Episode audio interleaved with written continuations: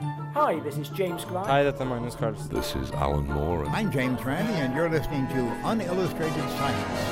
Stakk hodet sitt inn en partikkelakselerator. Velkommen til fremtiden. Universet. Spørsmålet er egentlig kan du få mennesker inn i? Forskningsnytt. Ta parallellkoble en del med Jo, eneste som er ja, Uansett, vi går videre. Kvikksølv. Uillustrert vitenskap.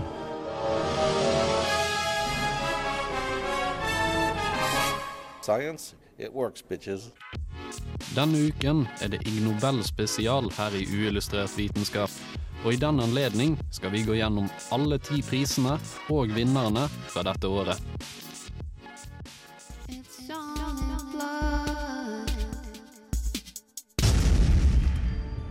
Hei, jeg er Knut Jørgen Røde Ødegård. Du hører på Uillustrert, som er eh, like kraftig som en supernova, eller kanskje en hypernova. Like vakkert som en stjernehop, og like spennende som en Venuspassasje. Uillustrert vitenskap. Hei, hei, hei, og hjertelig velkommen tilbake til nok ei sending med Uillustrert vitenskap. Denne uka har vi en Ig Nobel-spesial der vi skal ta for oss alle de ti prisvinnerne i kategoriene. Mitt navn er Andreas Haugland, og med meg i studio i dag så har jeg Martin. Hallo, hallo. Jeg har med meg Jan Markus som gjest. Hei sann. Og jeg har Mathias. God dag. Og som vanlig så har vi Endre på teknikerbordet. God dag. Ja, dere er jo gjester for oss i dag. Dere kan jo egentlig begynne med å fortelle litt eh, om hvem dere er. Hvor dere kommer fra. Ja, eh, jeg heter da som tidligere nevnt Jan Markus og prater vanligvis i Filmofil, som er eh, filmprogrammet til Radio Revolt. Ja. Og jeg heter Mathias, jeg er radiotekniker eh, her. Og snakker vanligvis i garasjen og på tirsdag. Så da var de programmene plugget. Sjekk de på radiorevolt.no eller på podkast på andre tjenester. hvis dere vil det. Uh, Ig Nobel-sending det betyr jo uh, at vi skal snakke om disse her uh, forskjellige kategoriene. Og eh, Ig Nobel det betyr jo da altså uedel. Eh, det er forskningspriser som eh, er gitt til forskning som skal få, først, få deg til å le, og deretter få deg til å tenke litt grann på hva det rett og slett er snakk om her.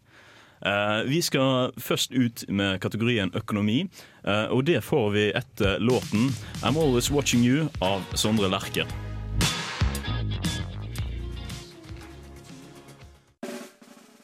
Årets Nobelprisvinner i kategorien økonomi. Vinnerne av Ig Nobelprisen i økonomi er Mark Avis, Sarah Forbes og Sheila Ferguson fra University of Birmingham og University of Otago. Denne gruppen forskere fra England og New Zealand vurderte merkepersonligheten, eller brand personality, av steiner fra et salgs- og markedsperspektiv. Her var det troverdigheten til en merkepersonlighetsskala som ble satt på prøve, ved å bruke den på steiner for å se om det kunne hentes ut en merkepersonlighet fra hver enkelt stein. Ja, det er jo ganske spesiell eh, skala å måle, eller finne ut Ja. av dette. da. Ja, det er jo det. Vi kan jo først gå ut, eh, snakke litt om hva merkepersonlighet er. For det kan man på en måte gå ut ifra eksisterer. Det med at en Rolls-Royce er sofistikert, for Ja.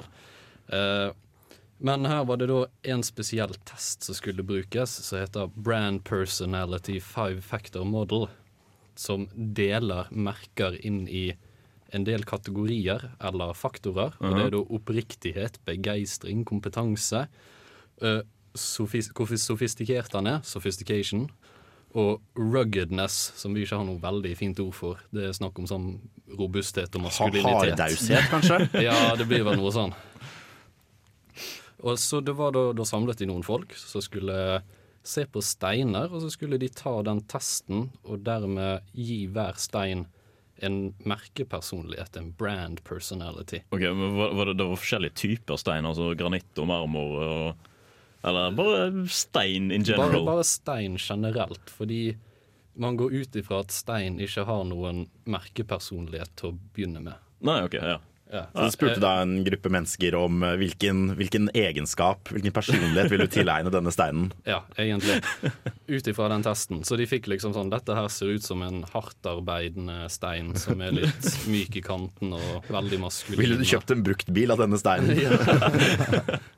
Så det ble fort litt sånn, og de klarte da å gi hver stein en personlighet. En veldig detaljert personlighet.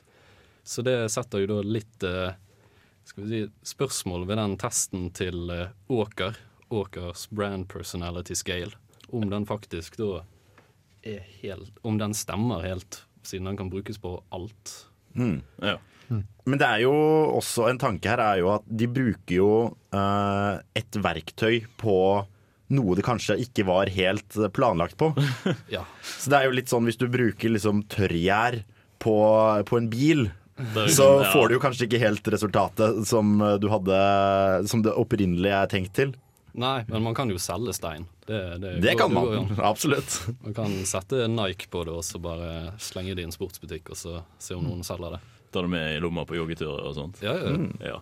Uh, vi skal òg høre om neste kategori, som da blir uh, fredsprisen.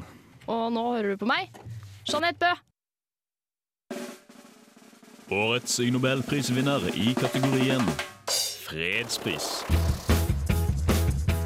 Årets Ig Nobel fredspris gikk til Gordon Pennecook, James Allen Chain, Nathaniel Barr, Derek Kohler og Jonathan Fuglesang for deres studie On the reception and detection of pseudo-profound bullshit.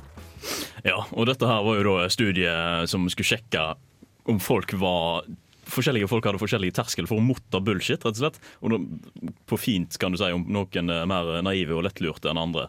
Så det, det var et studie som var delt inn i fire understudier eh, for å luke ut så mange som mulig. Og så pågikk det over to hele semestre. Eh, og hadde mange sånne krysstester der sånn, som luka ut f.eks. folk som ikke var oppmerksomhet, eh, eller hadde nok oppmerksomhet, eller bare eh, svarte tilfeldig underveis på spørsmålet. Så eh, det første studiet da, eh, det var jo da for å sjekke om eh, folk var veldig tilgjengelige for eh, bullshit gjennom BuzzFeed-setninger, altså eller Buzz-ordsetninger, som det kanskje også kalles. Altså, de fikk en setning der det var generert et utvalg av tilfeldige Buzz-ord, og så skulle de si på en skala fra én til fem hvorvidt de trodde det var sant. uh, uh, det skapte da en, den skalaen som de brukte, bullshit receptivity scale, Eh, som eh, på etter det første trinnet hadde da Jeg tror det var ca. 0,81 fra 1 til 0, 0 til 1, da. Var det receptivityen på de fleste da, i testen. Eh, Det andre studiet skulle ta for seg eh, sammenhengen mellom eh, refleksjon og mottagelighet for bullshit. Altså hvorvidt en person var, kunne reflektere. Mens det tredje studiet skulle sjekke om, det, om folk som var umottagelige for bullshit, var, ja, om de var dumme, da, rett og slett. Altså om de bare tenkte at de ikke kunne tenke riktig. Altså om de var ikke kapable til å oppdage konflikt mellom resonnering og bullshit. Rett og slett. Eh, som for eksempel eh, altså at de ikke kunne skille på hva som var finur, eller den finurlige setninga som elva kutter ikke gjennom steinen pga. sin kraft, men pga. sin standhaftighet. Og eh, det generelle påstanden, eksempel eh, folk generelt liker en type musikk. Så det var liksom det, da. Eh, resultatet var jo det at ja, det er en viss forskjell mellom hvor mottagelige folk er for akkurat dette. Sånn bullshit generelt sett. Ganske langt studie med veldig veldig mange tester. dette. Jeg vet ikke om jeg skal tro på deg nå. Men det var veld, en veldig bra paper. Det var veldig bra gjennomført skrevet, og det virker som at de har eh, gjort en veldig god forskning. Jeg er litt nysgjerrig på hvorfor dette eh, blir fredsprisen. Ja, det er jeg jo veldig nysgjerrig på. Det, Eh, er- jeg tenker jo at det er jo Det er ganske aktuelt. da Det er jo valgår eh, i USA i Ja, det er et 2016. Så hvis du klarer vitenskapelig å bevise at folk er mottagelige for bullshit, så lenge de inneholder nok buzzwords som liksom millennials og askefast, så, så tror folk på det. Så jo, kanskje det gjør verden til et litt bedre sted. Kan jo gjerne det. sånn, ja, 2016, dette får fredsprisen. 2008, Obama fikk fredsprisen. Ja. Correlation. ja. Um, det er jo en av de uh, mer interessante prisene kanskje i kveld. Uh, og vi skal videre i sendingen, men aller først så skal vi få høre på um, Honningbarna sin låt som heter 'Sinna unge menn'. Og de var på Samfunnet i går, så hvis du gikk glipp av de, så får du høre litt grann her nå.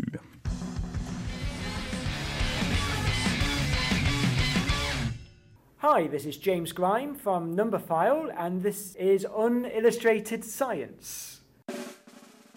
Årets Nobelprisvinner i kategorien persepsjon. Vinneren av Ig Nobelprisen i persepsjon er Atsuki Higashiyama og Kohei Adachi fra Japan for å forske om ting ser annerledes ut om man bøyer seg ned og ser det mellom beina. Hensikten var for å se om bedømmelse av avstand og størrelse ble hemmet av denne endringen i perspektiv.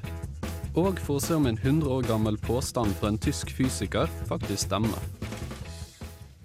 Ja, Føler du det stemmer, Jan Markus? Så du testa borte? Ja, jeg måtte, jo, jeg måtte jo liksom prøve litt sånn realvitenskap, så jeg bøyde meg på en måte ned da, og sjekka Det så, så på dere mellom beina. Så det er jo opp ned, da. Så det er jo, der har vi et vitenskapelig resultat. Ja, så kan vi ta 90 deltakere ble tatt med. De ble spurt om de hadde normalt eller ukorrigert syn. Så Ja. der hadde jeg falt ut med en gang. Ja, det er jo en viktig faktor. Men, men de skulle bøye seg såpass langt ned at de ikke kunne se sine egne bein. Og så skulle de se på Så skulle de være på en måte i en slags sånn 50 meter lang grøft, og så skulle de se på fem rektangler av variert størrelse og avstand fra hverandre. For å se hvor flinke de var til å bedømme avstand og størrelse på objektene mens de sto i den posisjonen. Aha. Ja. Så, wow. Det er jo altså, litt av en ting å gi en pris i, men altså, hva var formålet? Hva kan dette her Jo, for det var en tysk fysiker på slutten av 1800 1800-tallet Ja. som het Herman Hermann von Helmholtz. Han sa at, eh, at hvis du bøyer deg, eller hvis du ser på noe fra et annet perspektiv, som f.eks. hvis du tar og bøyer deg og ser det mellom beina, så eh, ser det ut som ting blir flatere, og det er vanskeligere å bedømme avstand. Så det var egentlig det Da- de skulle teste. Det var det han skulle bevise, rett og slett. Ja. Hva kom de fram til, da? Jeg er kjempenysgjerrig. jeg. Jo, de, når de bare tok det der hodet opp ned, så var det faktisk litt dårligere bedømmelse av avstand. Uh, spesielt ved større avstander, så var det vanskeligere. Eh, med hodet opp ned, med sånne her prismebriller som snur bildet 180 grader, så var det fortsatt litt dårligere bedømmelse av avstand, men litt bedre enn når eh, hele bildet var opp ned. Og så var det bare ligge på bakken riktig vei med bildet snudd 180 grader. Det òg ga litt dårligere bedømmelse av avstand. For det ser ut som når bildet er opp ned, så virker det som om det er lengre vekke, fant de ut. Ja, akkurat Ser det. litt sånn ut. Det, jo, det passer jo ganske godt uh, Altså Det er jo fysikalske prinsipper, dette her, så det passer jo egentlig ganske godt med den neste prisen vi skal snakke om. Ja, skal vi gå over til eh, fysikkprisen. Ja, Um, jeg gruer meg litt til å si navnene på disse, for det er ganske mange. Og de er fra Ungarn, Sveits, Østerrike og Sverige. OK, da tror jeg vi dropper navnene. Eh, hva sa du? Da dropper vi navnene. Ja, vi kan i hvert fall nevne at Susanne Åkesson var med, da hun er svensk. Det er lett å si. Ja. Ja. eh, Det de har funnet ut, uh, er at hester som er hvite, tiltrekker seg mindre klegg enn hester som ikke er hvite, som er brune eller svarte. eller noe sånt. Aha. Og det tenker du liksom, ja vel, hvorfor er det fysikk? Men det interessante er at dette har å gjøre med polarisert lys. Ah.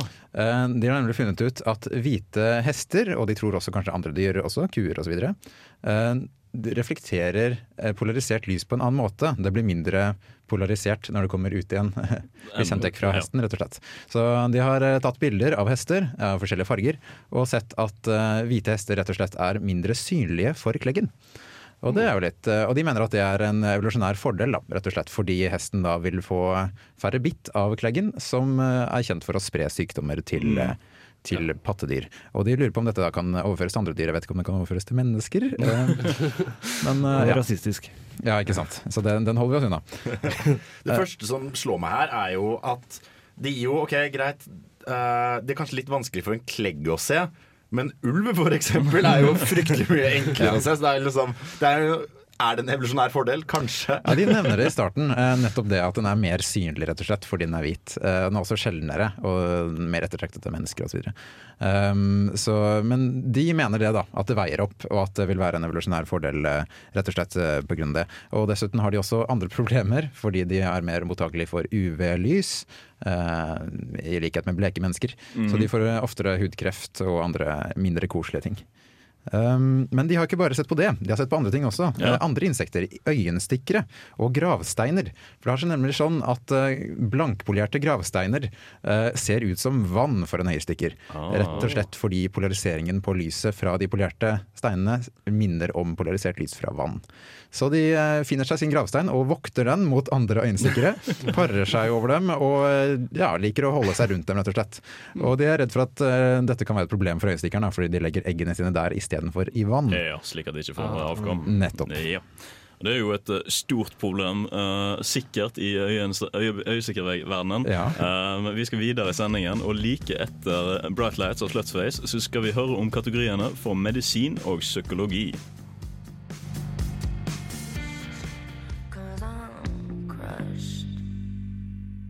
This is Alan Moore, and you're listening to Unillustrated Science. Årets Nobelprisvinner i kategorien medisin. Vinneren av Ig Nobelprisen i medisin er Kristoff Helmchen, Karina Paltzer, Thomas Mynte, Silke Anders og Andreas Sprenger fra Tyskland for å vise at hvis man har en kløe på høyre side av kroppen, kan man lindre kløen ved å se i et speil og klø seg på venstre siden av kroppen, og motsatt. Dette ble gjort ved å skape illusjonen av at riktig arm ble klødd ved at et speil dekket for den kløende armen, slik at den andre armen også vises i speilet, og ga illusjonen av at den også var den kløende armen. Skal si. ja, mhm, mhm. Så det er sånn, de setter et speil sånn vinkelrett foran deg, da. Sånn at du kun ser ene siden. Ja. Sånn at eh, Ja. Det er litt sånn som denne fantomlemtesten. Ja, der de mm. plutselig stikker en gaffel i en gummineve, og du tror det er din neve. Ja, det er på en måte litt sånn som den.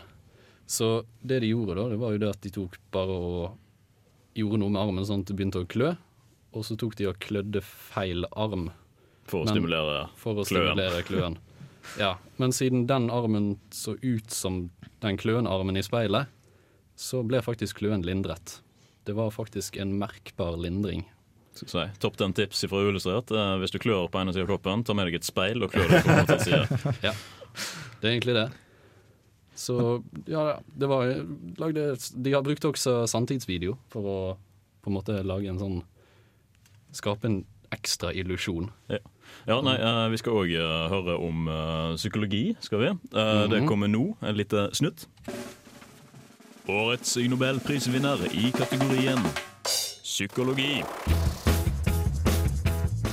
Og vinneren av Ig Nobelprisen i psykologi er Evelyn Duby, Martin de Schryver, Gordon Logan, Kristina Sukotski og Bruno Verschwere fra Belgia, Nederland, Tyskland, Canada og USA for å spørre 1000 løgnere om hvor ofte de lyver, for deretter bestemme seg om man skal tro på dem. Poenget var å teste hvilken aldersgruppe som lyver mest, og dermed sette en pekepinn på hvordan løgn og evnen til løgn endrer seg gjennom livet. Det høres jo litt grann ut som uh, litt det samme som fredsprisforskerne forsker på. Altså Ja. Litt sånn profound bullshit-testing. De har, nå, de har jo allerede fredsprisforskerne har testet hvor mottagelige folk er. Og nå er det bullshitterne da, som skal testes. Ja, hvor gode de er. Det er en rød tråd i hele greien. Men i hvert fall de samlet 1005 deltakere mellom 6 og 77. Det var kun folk som snakket nederlandsk, så der hadde jeg òg falt ut. Jeg hadde ikke fått lov til å bli med her heller. Men i hvert fall da var det to sånne løgntester de tok. De tok noe som het stoppsignaltesten, der man får eh, skal vi si, Det er en lyd man skal høre. Så skal man trykke på en knapp når man hører lyden, men man skal ikke trykke hvis man hører en annen lyd i tillegg. Så det er litt sånn reaksjonstest i tillegg til eh, ja, rett og slett hvor raskt du trykker, og hvor nøye du er på det. Ja. Sånn var det jeg forsto det. Du klarer å filtrere ut uh, annen støy, rett og slett. Ja, så det Og så var det Sheffield-testen. Der fikk de en rekke spørsmål, og så er det litt sånn som den sånne løgndetektorer som vi snakket om sist. Der de tar da og måler skal vi si, hvor mye kroppen reagerer på løgn. Mm. Så da fikk de jo beskjed om enten snak, si ja eller nei. Og eh, skulle de da finne ut hvor flinke de er til å lyge, hvor mye kroppen reagerer på at de lyger, så rangerte de da eh, aldersgruppene etter hvor flinke de var til å lyge. Det er jo ja, interessant. Hvilke aldersgrupper var det som var flinkest til å lyve da? Ja, hvem tror du? Jeg tenker eh, millennials, jeg. Alltid Ja, det, var, millennials. det var faktisk tenåringene som er de flinkeste til å lyge. Eller det er de som lyger mest, i hvert fall. Mest trening i det. Ja, De som lyger minst, er barn og gamle. Ja. Og fulle folk. Og, fulle og fulle folk, ja. Men de Ja. sier jo bare sannheten. Det er jo rett ifra levra hele tida. Mm. Men det er jo en del eh, variabler her da, som man kanskje ikke har tatt med. F.eks. at kanskje bare den generasjonen er mer vant til å lyve. Eller eh, Ja. at rett og slett bare det moralske grunnlaget har forfalt etter hvert som folk har blitt eh, Etter hvert som tiden har gått. Men barna er tydeligvis moralske likevel, da. Nei, men de kan bare ikke. Har du noen gang sett en seksåring ljuge? De klarer jo ikke. De er jo helt elendige. De prøver, i hvert fall. Prøver, Ja. Spiste du kjeksen? Nei. Hvor kommer kakesmulene fra, da? Det er hunden. Hunden tok dem inn.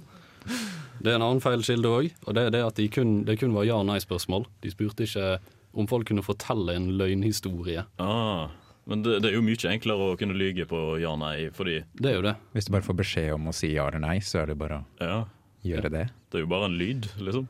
Ja. Så ja, må si. Er veldig, veldig, veldig kule ting i en teste. Um, vi skal faktisk eh, høre om eh, flere priser, mm, tro det eller ei. Det neste som kommer nå, er reproduksjon, og det får du etter oktober av Kappekopf. I think it's over. Science isn't about why, it's about why not.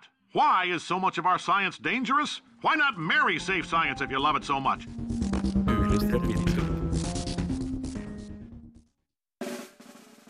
Årets Nobelprisvinner i kategorien reproduksjon.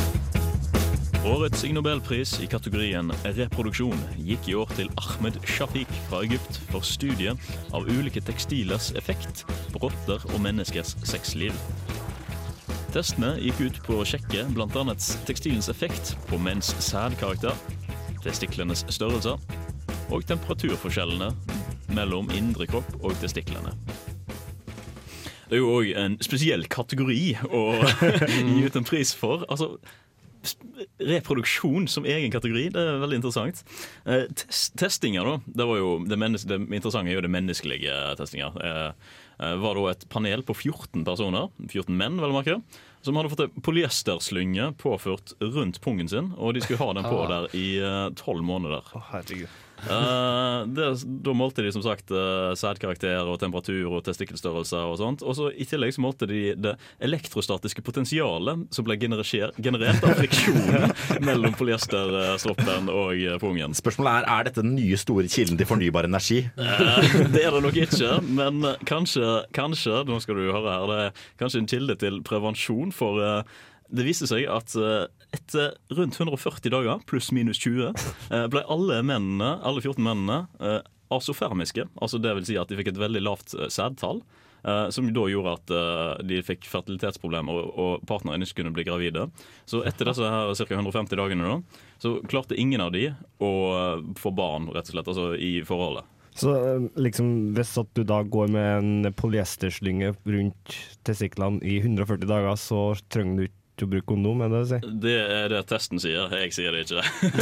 Eh, Men det, det, det som er problemet, da, er at eh, når du avslutter denne testen, her, så rundt etter 150-160 dager, så er alt tilbake til normalen igjen. Og da eh, var fem av disse parene her da, fikk da unnfanga barn. Så jeg ville kanskje ikke gått ut på byen og sagt at du babe, slapp av, jeg har en polyesterslenge rundt pungen min. Det går fint. Og det er jo ja, en meget spesiell test eh, å gjøre, egentlig. Altså, hadde du vært villig til å gjøre det i et år? Nei, nei, åpenbart ikke. Eh, men jeg tenker, er det, er det temperaturforskjellen her som gjør det? Er det det at du blir så varm at sædkvaliteten dør? For det er jo hele poenget med liksom, testiklene, at de skal være utenfor kroppen og ikke bli Ja, overoppheta. ja. Nei, men det, var jo, det er jo fremdeles utenfor, for jeg ser for meg at det blir eh, på en måte adskilt mer fra kroppen. Så det blir kjøligere enn enn om det hadde vært nærmere kroppen. Ja, Eh, kanskje. Endringen i temperatur den husker jeg ikke helt, men uh, det var snakk om et, en, litt, en liten temperaturforskjell. Om den var positiv eller negativ, det husker jeg ikke. Men det kan hende at det er det som uh, da gjorde det. da. Det er jo Uansett høres det ut som en fryktelig slitsom måte å bruke prevensjon på. Absolutt. Uh, vi skal nå uh, Hva skal vi høre om nå? Nå skal vi høre om biologi, Mathias. Det skal vi. Biologiprisen ble delt mellom to eh, briter, Charles Foster og Thomas Thwaites. Vi kan ta Foster først. Han valgte rett og slett å leve i harmoni med dyrene, for å finne ut hvordan dyrene lever. Ja. Ja, Så han eh, valgte eh, på eh, sånn vekselvis å leve som en grevling, en oter, en hjort, en rev og en fugl av typen seiler. Ja, Man kan du spørre seg litt hvorfor og hvordan. Han bodde bl.a. sammen med grevlinger i flere uker. Han fant seg en fjellside i Wales, Og satt der og spiste mark og koste seg sammen med de andre grevlingene. Lærte å lukte seg fram i landskapet istedenfor å se, eh, osv. Det er jo sånn faktisk blinda, jeg skulle si sånn, blinda seg sjøl med bind og alt mulig sånn for å Det vet jeg ikke om han gjorde. simulere Men det er godt mulig at han gjorde det. Eh, dessuten så var han eh, ute sammen med otere og fisket, eller fanget fisk med munnen direkte. Oi. Han var en urban rev i London og gravde gjennom søppelkasser og sånn. Det gjør for så vidt enkelte mennesker uansett. Også, også kalt en hobo, men uh, ja, ikke sant? Dumpster diver. Han eh, prøvde seg som hjort, ble jaktet på, eh, jakt, eh, jaktet på av jakthunder. Eh, holdt visst på å dø i snøen, uh, og så videre. Eh, ja, og så fulgte han også Man kan lure på hvordan han var en fugl. Det viser seg at- Ja, ikke sant. Det viser seg at han fulgte disse fuglene, da, en flokk, gjennom deres migrering over Gibraltarstredet. Ja. Og han følte seg, sitat, 'strangely connected to the birds'. Jeg vet ikke helt hva det innebærer. Selv når de fløy fra han? Se, sånn, tydeligvis. Ja. Han følte vel at de hadde et bånd. Fisken, da? Uh, han var ikke fisk. Var ikke det fisk? ikke. Nei, nei, okay. nei, nei. Eh, men så må jeg nevne nummer to, eh, Thomas Thwaites. For han gikk litt lenger. Han valgte bare ett dyr, geit, men han var riktignok en geit. Og han lagde seg proteser som gjorde at den kunne gå rundt som en geit. Han lagde til uh, utvidelser til armene sine, han lagde en hjelm, lagde sin egen mage i anførselstegn i form av en trykkoker og et bål så han kunne spise gress. Um, og gikk rundt over Alpene sammen med en flokk med geiter. Uh, ja. Dette her høres jo ut som på en måte, der hvor forskning krysser alvorlig psykisk sykdom. Ja, vi nærmer oss litt, nok litt der. Uh, så kanskje det er neste årets uh, psykologipris. Ja. Hva i alle dager? Altså, hva formålet med dette var? Formålet var å få innsikt i dyrs liv, tydeligvis. Okay. Og det fikk de vel, da, formodentlig. Formodentlig, ja. Jeg- jeg- Dette høres jo ut som en kjempeidé til en film, tenker jeg. da oh, ja. Med Nicolas Cage i hovedrollen. Life, uh, one life as a goat, Ja. liksom. Mm. Men så Coming this summer, Nicolas Cage in The Goat Man. Du har eh, Goat Simulator allerede, da. Men den går ikke over Ja. Alpene, riktignok. Og du, du er ikke et menneske, du er geit. Det er Mhm. veldig viktig. Nei, uh, Vi skal høre om de to siste prisene like etter neste låt. Og De to siste er da litteratur og kjemi. Og Her først kommer da 'Timeless' av James Blake.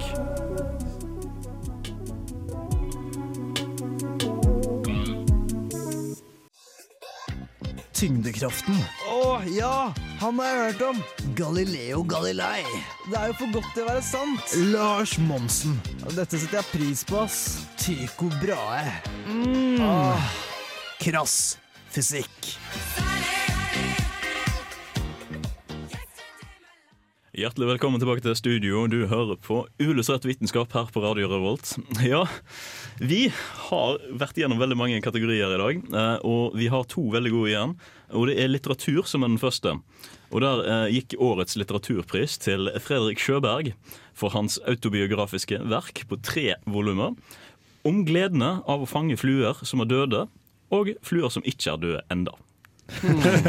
Hørtes veldig eksistensialistisk ut. Ja, er mer, mer en sånn boktittel om en fyr som bare har fullstendig liksom, Ja. mentalt breakdown. Ja, ja det, men det virker jo som at det er det òg. For i uh, en quote som er på Jeg måtte sjekke denne boka på eh, Amazon og se om jeg fant den der. Og det var A mesmerizing memoir. The flytrap is one remarkable individual's meditation on the unexpected beauty of small things and the examination of history and of entomol- entomology itself. Weaving a fascinating web of association, histories, and personal memories, Sjöberg revels in the wonders of natural world and through indelible images and stories opens up into a dazzling and irrestable pathway. Det var da voldsomt. Så liksom meditering og alt mulig sånt det, det tar for seg, det er fascinerende. Det høres ut som det er full av livsvisdom. Ja. Men altså tre volumer, det er imponerende. Altså. Og så er det sjølbiografisk. Ja. Altså, Det høres ut som han enten er verdens mest kreative mann eller minst kreative mann. Det er jeg ikke helt sikker på. For han, jeg tror, jeg tror han er Han hadde én idé. Ja, Ja. ja, men jeg tror han er ganske um, jeg skulle, ikke, ikke nødvendigvis ensom, sånn sett, men han bor på en liten plass. For det står òg at eh, bøkene er skrevet hjemme på ei lita øy i Sverige. Så det er liksom bitte, bitte liten plass. Kanskje begrensa med ting å skrive om. Han virket veltalt, da. Ja, det var ikke, det var ikke hans kvote. quote, da. Oh. Nei, nei, nei. Det, det var noe en sikkert eh, anmelder eller forfattere eller forbruker som har skrevet. Oh, og veltalt, han òg. Veltalt han òg, absolutt. absolutt. Eh, vi skal bort fra litteraturen og høre på den siste kategorien, som er kjemi. Årets Ig Nobelprisvinner i kategorien kjemi. Årets Ig Nobelpris i kategorien kjemi gikk til Volkswagen for å løse problemet med forurensning fra biler ved å utføre færre og mindre utslipp under testing enn ved vanlig drift. Og Det er jo ganske fascinerende hvor utrolig ballsy Volkswagen har valgt å være her. For det de har gjort, eh, er å installere en, eh, en liten programvare som oppdager når bilene har vært under testing uh, fra disse um, EPA, altså Environmental eh, Protection Agency i USA. Når de utfører tester på det, da, så går motoren i en lavutslipp av NOx-modus. For å slippe ut bare det som ja, eh, agencyet krever, da. Mens når med en gang testen er over, ett sekund etter testen er over, så går han tilbake til den andre modusen, og flere av bilene slipper opp ut til ni ganger så masse NOx som, eh, som de gjorde under, under testen, da, rett og slett. Altså Da er det nitrogenoksid som er utslippet. Og Det gjelder jo for dieselbiler i, all, i alle Lamborghinis Nei, ikke Lamborghini. Det Lamborghini var det ikke. Volkswagen. I wish. Ja. Men er det da liksom begrensning av motorkapasitet og Ja, jeg, jeg, motorytelse? jeg ser for meg det er det de har gjort. Altså, for det må jo være det. Altså, det er jo trelitersmotorene og tolitersmotorene det stort sett gjelder. Eh, Det jeg mener å huske, er at det de gjorde, er at de har med et lite kammer med kjemikalier ja. som ved Uh, ved liksom testing så kjører da eksosen innom det. Så de har en sånn uh, en, rett og slett et kammer med eh, kjemikalier som uh, fanger opp og nøytraliserer disse NOx-gassene. Altså, lite ekstra partikler? Ja, så du, du kan jo bruke det opp etter hvert, men det vil ta flere Ja. år da med testing. Og da er jo, da er jo Ja, de det er, hvem, lenge hvem bryr seg om det? Ja. Det her er eh, Det går fint.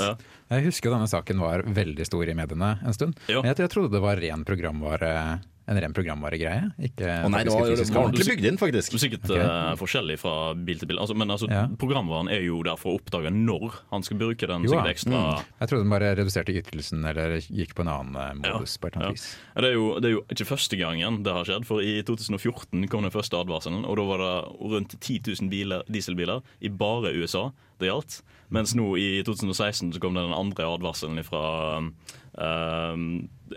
EPA, da, som det heter. Om eh, den brukt, bruddet på eh, Clean Air Act som er, gjelder i USA. Det, ja, jeg, skjønner ikke. Hvordan kan du gjøre det? Altså, Hvor, hvor ballsy går det an å bli? liksom?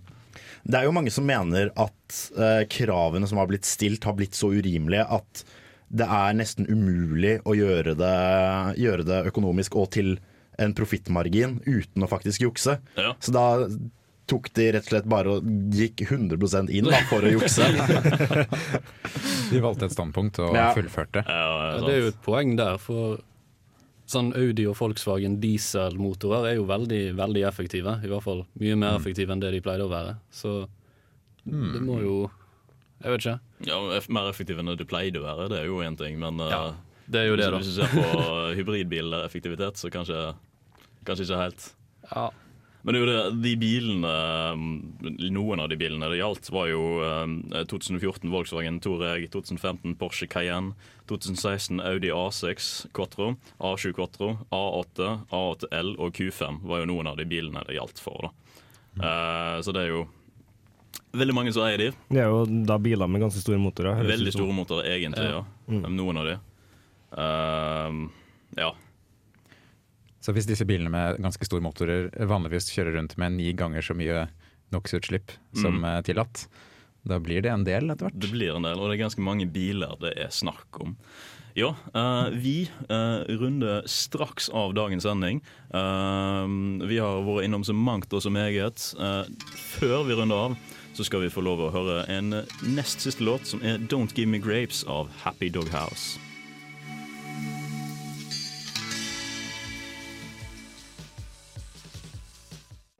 So, this is Richard Wiseman, author of 59 Seconds, and you are listening to Unillustrated Science. Enjoy. Da går vi mot slutten i dagens sending. Jeg håper dere har kost dere veldig masse her i studio. ja. det har i hvert fall jeg gjort, for det har vært dritgøy å høre om uh, dette. Hvis du ikke har eh, fått tid til å høre om uh, alt det vi har snakket om, eller fått med deg hele sendinga, sjekk oss ut på radiorevolt.no. Der ligger vi. Uh, og du finner òg podkaster på bl.a. iTunes. Eh, send oss eh, en melding eller en like på Facebook hvis dere har noen spørsmål uh, dere vil at vi skal snakke om. Ja. Uh, hva syns dere? Prisene, kategoriene? Er det, er det forskning? Det er jo, det er jo forskning eh, i varierende måte, grad av viktighet og nødvendighet, om man kan si det. Men jeg vil si at noe av det er jo interessant. Interessant, ja. interessant er vel ordet her. Det er, vel, det er gjennomgående interessant. kanskje. Gjennomgående interessant. Jeg, syns prisen i år var bedre enn de i fjor. Uh, mange av de i hvert fall. Uh, men fortsatt veldig veldig stor, uh, stor gap i det det har vært. Er veldig stor variasjon. Veldig stor variasjon. Ja, jeg har vært Andreas Høgland. Jeg håper dere som har hørt på, har hatt det like gøy som vi har hatt det i studio. Med meg har jeg hatt Martin. Arbon. Jan Markus. Hei. Mathias. Ja, Og vår faste tekniker Endre. Takk for oss. Ha det. Thank you.